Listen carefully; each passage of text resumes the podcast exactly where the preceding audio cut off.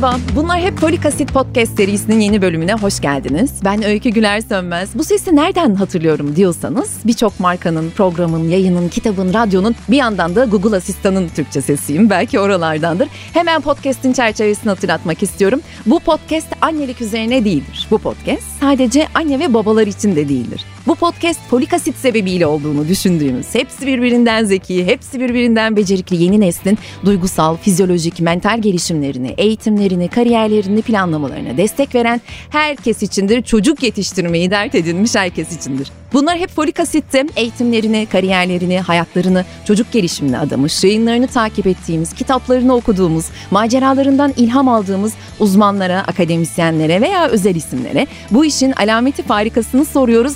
Bu bölümde de bu işin alameti farikasını çok kıymetli bir isme eğitimci Ali Koç'a soracağız. Ayaklarınıza sağlık, hoş geldiniz hocam. Hoş bulduk. Şimdi tabii ki akran zorbalığından, teknolojinin bize ettiklerinden, devlet okulu mu, özel okulu mu hepsinden konuşacağız ama önce biz kaygılı ebeveynlerden başlayalım istiyorum müsaadenizle. Şimdi bir konuşmanızda diyorsunuz ki ebeveynlik hakkında konuşmaktan ve düşünmekten ebeveynlik yapmaya zaman kalmıyor. Biz yeni nesil ebeveynler nerede hata yapıyoruz? Evet. Yeni nesil ebeveynler gereğinden fazla araştırıyor ve okuyor. Bilgi çok kıymetli bir şey ama bizi her zaman bilgeliğe götürmüyor. Ben sorunu biraz orada görüyorum. Çok şey biliyor olmamız, bilge biri olduğumuz anlamına gelmiyor. Ve ben ebeveynliği her zaman her çocuk ve anne babada yeniden kurulan, o gün icat edilen çok özel bir deneyim olarak tasarlıyorum. Bu özel deneyimin sürekli farklı kaynaklardan beslenerek hep şekillendiriliyor olması her şeyden önce eksik ebeveynlik duygusunu sürekli doğuruyor. Ve bu eksik ebeveynliği tamamlamak için de insanlar hep çocukları hakkında konuşuyorlar. Başkalarıyla konuşuyorlar. Uzmanlarla konuşuyorlar. Podcastler dinliyorlar. YouTube'lar izliyorlar. Çocuklar hakkında o kadar çok konuşuyoruz ki çocuklarla konuşmaya zamanımız olmuyor. Benim şöyle bir iddiam var. Çocuklar hakkında konuştuğumuz zamanın yarısını çocuklarımızla konuşmaya ayırsak konuşmak zorunda olduğumuz problemler yarı yarıya azalacak zaten neyi nasıl konuşacağımızın peşine düşüyoruz galiba. Ağzımızdan çıkan her cümleyi bir planlama derdindeyiz. Yanlış bir şey mi dedim? Göz hizasına yeterince inebildim mi? Gerçekten ödül mü verdim? Ceza mı verdim? Bu acaba onun gelecekte bir travma yaşamasına neden olacak mı? Şimdi e, tabii yeni nesil ebeveynler olarak bütçemiz el verdiğince ve çocuğumuzun yatkınlığını anlayabildiğimiz sürece de mümkün mertebe her türlü olanağı sunmaya çalışıyoruz onlara. E, pek de sevmiyoruz boş kalsınlar. Çünkü teknoloji sanki boş kaldığında onları esir edecekmiş gibi geliyor. E, çocuklarımız çok meşgul. İyi mi yapıyoruz hocam? İyi yapmıyoruz. Ben uzun yıllar boşluğun ki çok hala da inanarak söylüyorum. Boşluk aslında bütün tasarımın, dünyayı oluşturmamızı sağlayacak her yaratıcı fikrin arkasında bir boşluk var aslında. Hani bina dediğimiz şey de duvarıyla tasarlanmıyor aslında. İçindeki boşluk onu anlamlı kılan bir şey. İnsan yaşamında da boşluk o anlamıyla çok önemli. Fakat bugünkü dünyada boşluk e, kalmadı. Hiçbir şekilde kalmadı. Yani boş zaman dediğimiz şey geçmişte çok kıymetliydi. Çünkü sizi hayallere götüren şeydi kendiniz üzerine, dünya üzerine düşünme zamanınızdı. Ama şu anda ya telefonla ya başka dijital kaynaklarla hiçbir boş anımız yok. Şimdi hiçbir boş anımız olmaması bir tehlike ama boş an oluşmaması için çocuğun her anı doldurmak da aynı şekilde tehlike. Bunun tek aracını ben doğada görüyorum aslında. Doğada ve çocuk tarafından kurulmuş oyunlarda, çocukların akranıyla kurduğu ilişkiye e, olanak yaratmada görüyorum e, o boşlukla ilgili tek zamanı. Çünkü boşluk şöyle düşünün. Ne zaman kıymetlidir? Sizin zamanın nasıl akıp gittiğini anlamayacak denli kendinizi kaybettirdiğiniz bir işin içindeyseniz boşluk önemlidir. Onu da sağlayan çocukların hayatında bir tek şey var oyun. Kesinlikle ama galiba dijital çağda teknoloji tam olarak burada biraz dengeleri bozuyor. Bununla ilgili çok sorun olacak elbette ama e, şimdi yine ebeveynlere dönecek olursak korkunç bir baskı var bence üzerimizde. Çünkü bir çocuğun geleceğini e, planlamak zorunda kalmamalıyız. Gerçekten bu çok büyük bir sorumluluk, çok büyük bir yük hepimiz için. E, ama bir şeyler de yapmak gerekiyor. Biz yapmazsak kim yapacak? E, nasıl planlanır bir çocuğun geleceği? Evet. Ee, bir çocuğun geleceği planlanırken çocuk yapacağını yapar. Aslında her biri bir John Lennon şarkısı gibi galiba değil mi? O, o söylüyordu yanlış hatırlamıyorsam. Evet biz planlar biz yaparken. Biz planlar yaparken başımıza gelenler çocuklar da aslında onları öyle yaşıyorlar. Biz çok plan yapıyoruz ama onlar kendi akışlarında yaşıyorlar. Burada iki sıkıntılı alan olduğunu düşünüyorum. Bir ebeveynlik bir yaratıcılığa soyunmak gibi bir hale dönüşmüş durumda. Yani o çocuğun geleceğini yaratmak bence bir insan için çok iddialı bir şey. Çok. Bunu tek başına bizim yapma şansımız yok. Dünyanın her anı ve her dakikası değişirken biz onun 20 yıl sonrasını planlamaya çalışıyoruz. Halbuki planlayabileceğimiz ve yaşayabileceğimiz bir tek şey var o da o an. O anda o ne yaşıyor? Bizim buna odaklanıyor olmamız gerekiyor. Bugünlerde üzerine çok okuyorum. Anaokulunda akademik eğitim üzerine çok okuyorum. Ve şöyle düşünsenize çocuğun 5 yaşındaki bir çocuğun en temel ihtiyacı oyun.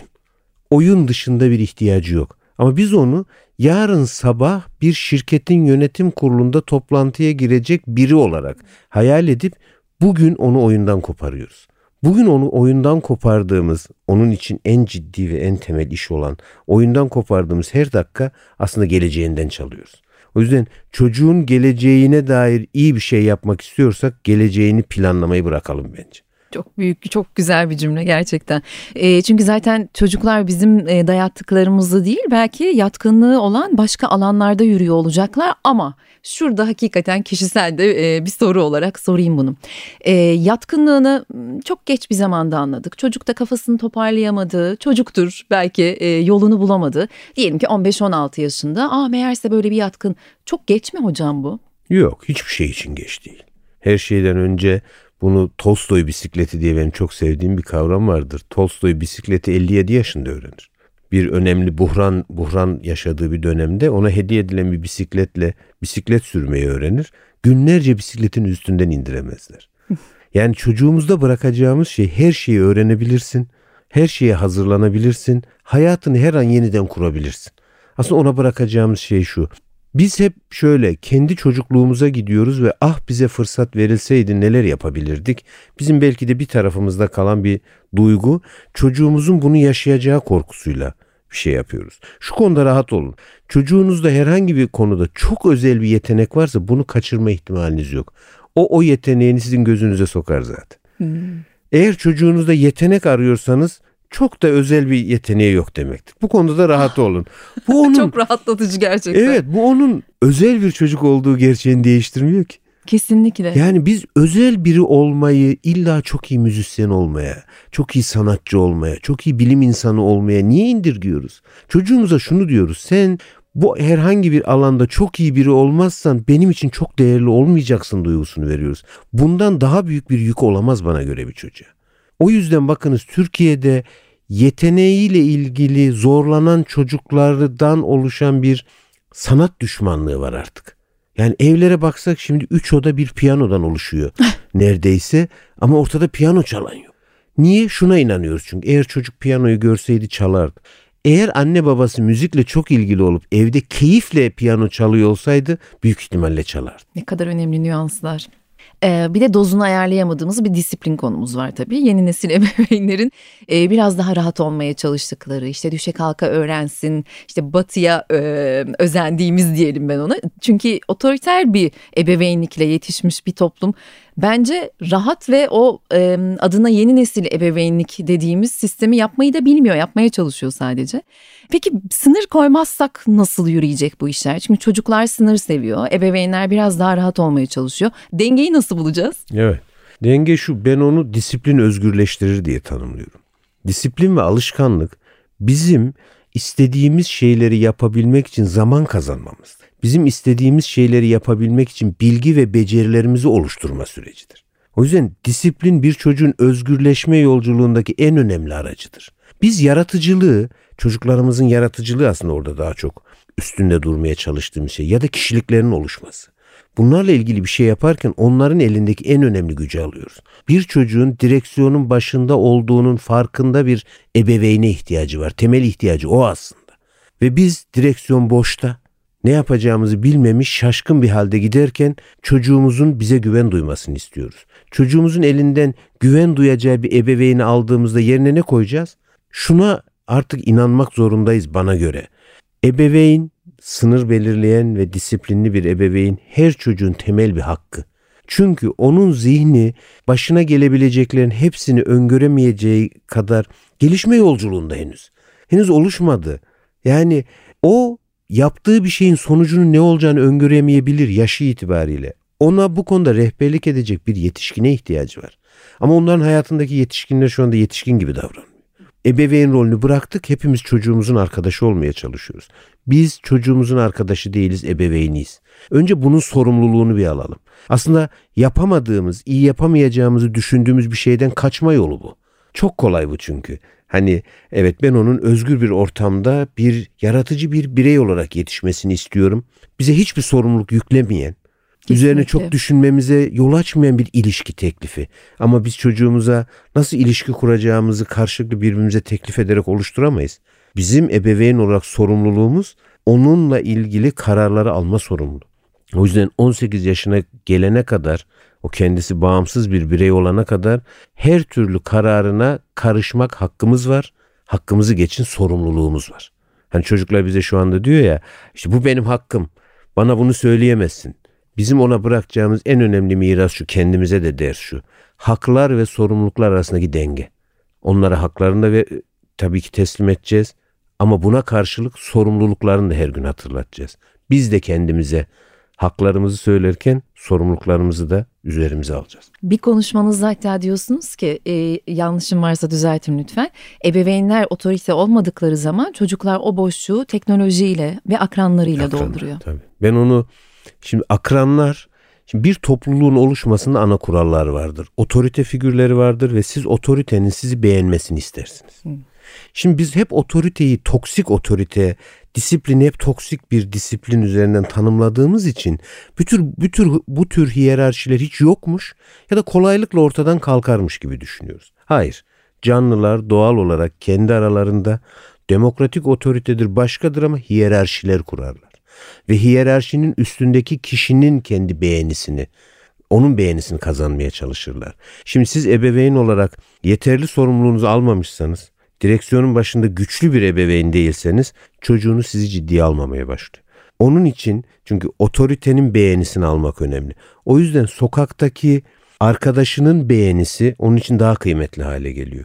Şimdi önemli. dijital mahalledeler dijital mahalledeki bir arkadaşının beğenisi onun için daha önemli hale gelmeye başlıyor. Çünkü onun yeni ebeveyni artık arkadaşları.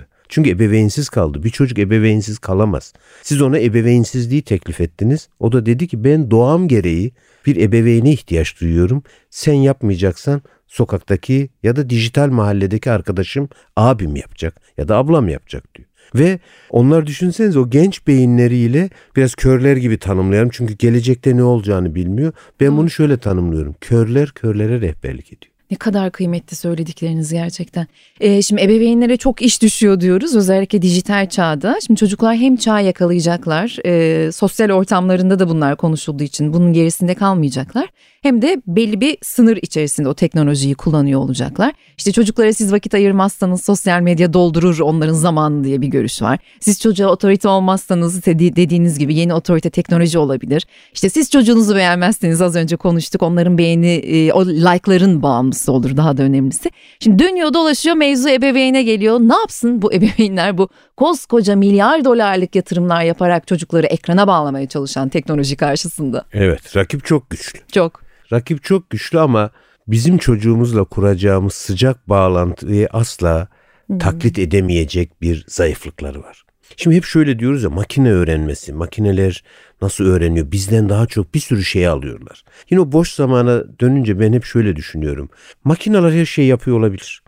Ama bir şeyi yapamayacak. Örneğin ıslak çimlerin üzerine uzanıp gökyüzüne bakıp hayal kuramayacak. O hala bizde olan bir şey.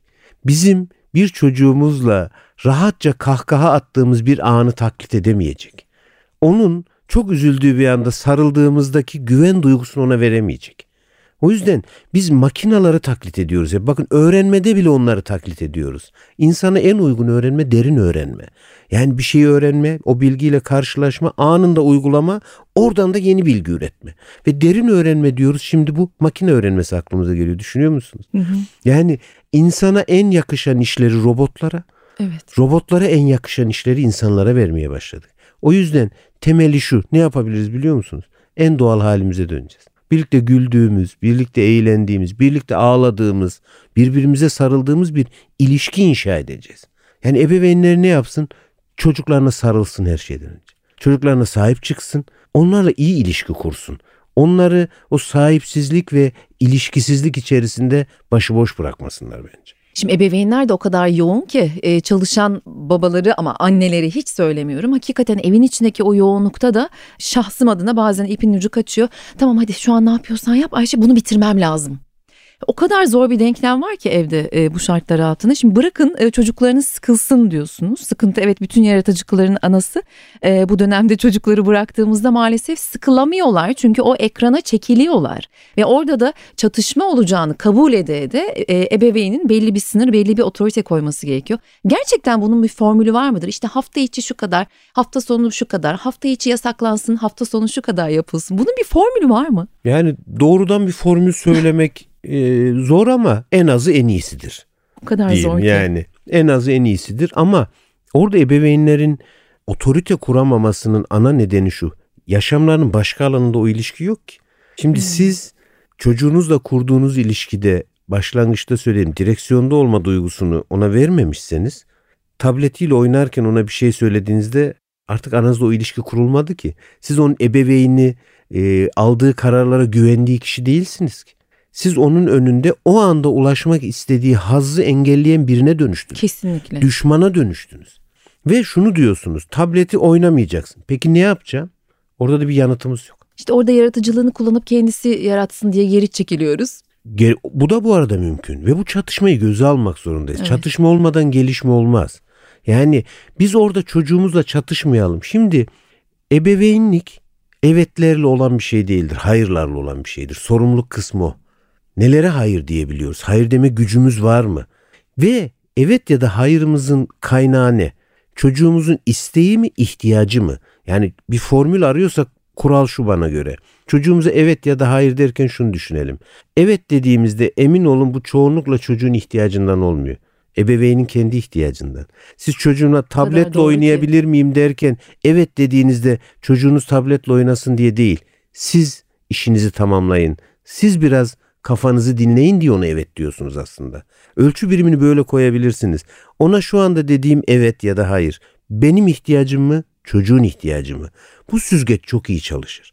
Yaşamımızda ebeveyn olarak çocuğumuzla geçireceğimiz, kendimize ayırdığımız, işimize ayırdığımız zamanda bir denge yaratırsak o denge zaten hayatın içerisinde oluşur. Kent yaşamı bizi haklı olarak zorluyor. Apartmanlara kapatılmış bir hayatın içerisinde çocuğumuza arkadaş bulamamak, e, onun yalnız kalıyor olması bunlar elbette ki büyük sorunlar.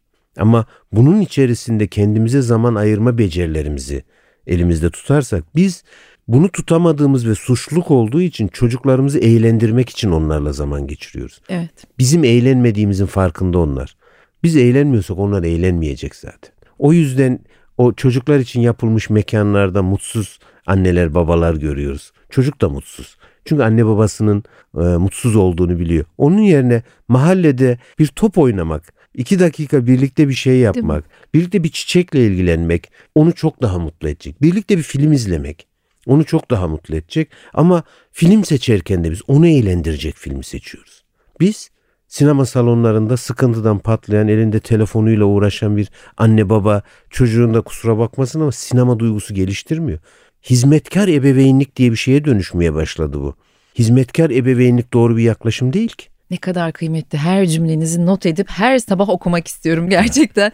Şimdi bir yandan da dijital ortamda e, hissettikleri bir takım duygular var. İşte beğenmiyorlarsa geçiyorlar. Hemen e, like alma peşindeler. E, bu dünyada, bu dijital dünyada yaşadıkları ve öğrendikleri hisler gerçek hayatta onları ne şekilde etkiliyor çok önem veriyorum ben buna. Çünkü akran zorbalığına bağlayacağım sonra ama bunun bir kaynağı da yani akran zorbalığının bir kaynağı da son dönemlerde artışının sebebi farkındalığın artışı mıdır ayrıca konuşuruz ama bu teknolojide dijital alanda yaşadıklarının gerçek hayatta etkileri nedir bu çocuklara? Çok güçlü. Yani bu konuda araştırmalar yeni. Evet. Hani hangisi güvenilirdir bu konuda çok e, iddialı konuşmak istemem ama günlük yaşam gözlemi içerisinde bunu görüyoruz. Fakat sorunu yanlış yerde aramamak gerekir. Şimdi dijital dünya, sosyal medya, e, onu dizayn edenler şöyle düşünüyor. İnsanların buraya en kolay transfer edebileceğimiz davranışları neler? Şimdi like kültürü dediğimiz şey yoktu da sosyal medya icat etmedi. Sonuçta bir köyde çeşmenin başına toplanan gençler de aslında like peşindeydi. Like peşindeydi. Bunun için mecralar arttı. Like'lamasını istediğimiz insanlar yakın çevremiz değil bütün dünya olmaya başladı. Aslında değişen bu. İnsanın temel duygusu değişmez. O duyguyu o gün ifade edeceği, karşılık bulduğu alanlar değişebilir sadece. Ama orada yaşanan şey sonuçta beğenilme duygusu. Şimdi çocuklarımızın dikkati azaldı. Biz yetişkinlerin de azaldı. Çünkü o kadar hızlı tüketiyoruz ki her şeyi. Şimdi bir çocuğu düşünün. Oyun oynayan. Şimdi oyun bu yüzden sürekli oyunu vurguluyorum. Okul öncesinde özellikle bütün hayat boyunca önemli ama öncelikle okul öncesinde. O kadar önemli ki bir çocuğun uzun süre bir işte odaklanabilmesini sağlayabilecek oyun dışında bir yöntem yok. Ama biz oyunlarını bile bölüyoruz onların bakın. Bir oyun oynuyor çocuk. Dalmış kendini kayb. Hadi gidiyoruz. Beş kere onu oynadığı oyundan kopardığımız zaman o diyor ki benim yaptığım şey çok da değerli değil zaten. Ve her şeyi her zaman bırakabilir. Çünkü sürekli kavgamız yok. Bırak artık diyorum. Bırak artık diyorum. Sonra da diyoruz ki bu niye her şeyi çok kolay bırakıyor? E öğrettik ona ama. Ne kadar önemli. Anda tutmadık onu. Anda kalmanın hazzını yaşamasını e, engelledik ve şimdi diyoruz ki niye bu kadar her şeyden çabuk sıkılıyor. Hiçbir şeyin sonunu getirmiyor. Hiçbir şeyin sonunu getirmiyor. Ama biz onun hiçbir şeyin sonunu getirecek kadar sabretmedik ki ona. O da şimdi bu öğrendiklerini yaşamın içerisinde uyguluyor. E, peki bu özellikle vurdulu kırdılı işte öldürmeli oyunların e, çocukları daha agresif yaptığını söyleyebilir miyiz? Orada oyunun içeriğinden çok galiba o dünyadan dışarıya yeniden çıkmak. Hı. O dünyadan çıkmakla ilgili kaygılar olabilir. Şimdi çocuklar sembollerle yaşar. Yine teknoloji öncesi döneme gidelim. İşte e, tahta atlarınızı yapıp tahta kılıçlarınızla kavga ederiniz. Bakın bizde bence şurası ilginç bir şekilde atlanıyor. Sosyal medya bize hiçbir yeni davranış getirmedi. Sosyal medya insanlığın bütün tarihi boyunca ihtiyaç duyduğu duygu ve davranışlar için dijital araçlar yarattı.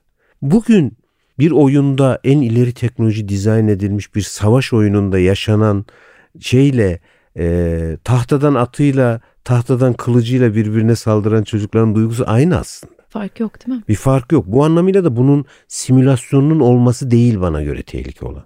Hani çocuk orada bir oyunda birinin birini öldürdüğünü gördü. Demek ki ben de herkesi öldürebilirim. Şimdi bunun için ne elimizde ciddi bir bilimsel araştırma var? Henüz. Yok. Çocukların saldırganlık davranışı dediğiniz şey ilginç bir şey gözlemimi söyleyeyim bu gözlem. E, dışarıya karşı değil ki anne babasına karşı. Oyundan öğrendiği saldırganlığı uygulamıyor ki oyundan koparıldığı için saldırganlaşıyor. Hmm. Şimdi bunu bunları temiz bir şekilde birbirinden ayırırsak analizlerimiz de çok sağlıklı olur. Peki hocam buradan akran zorbalığına geçelim ama bunu bir sonraki bölümde yapalım dilerseniz. Akran zorbalığı nedir? Hangi durumlarda akran zorbalığı sayılır? Taraflar ne hisseder? Ebeveynler her iki çocuğa da nasıl destek olmalı? Çok uzun bir konu aslında bu. Bir sonraki bölümde geniş geniş konuşalım. Bunlar hep Folikasit Podcast serisinin bu bölümünde kıymetli hocam eğitimci Ali Koç e, bizimleydi. Programdan önemli başlıkları sosyal medya hesaplarımızdan da takip edebilirsiniz. Ayaklarınıza sağlık iyi ki geldiniz. Teşekkürler çok keyifli bir sohbet. Çocuk yetiştirmeyi dert edinmiş arkadaşlarınızla podcast'ı paylaşmayı, podcast'e abone olmayı, hatta yorumlarınızı yazmayı ve sosyal medya hesaplarımızı takip etmeyi unutmayın lütfen. Instagram'da Öykü Güler Sönmez ve bunlar hep folik asit hesaplarından bize ulaşabilirsiniz. Ben Öykü Güler Sönmez. Bir sonraki programda görüşmek üzere. Hoşçakalın.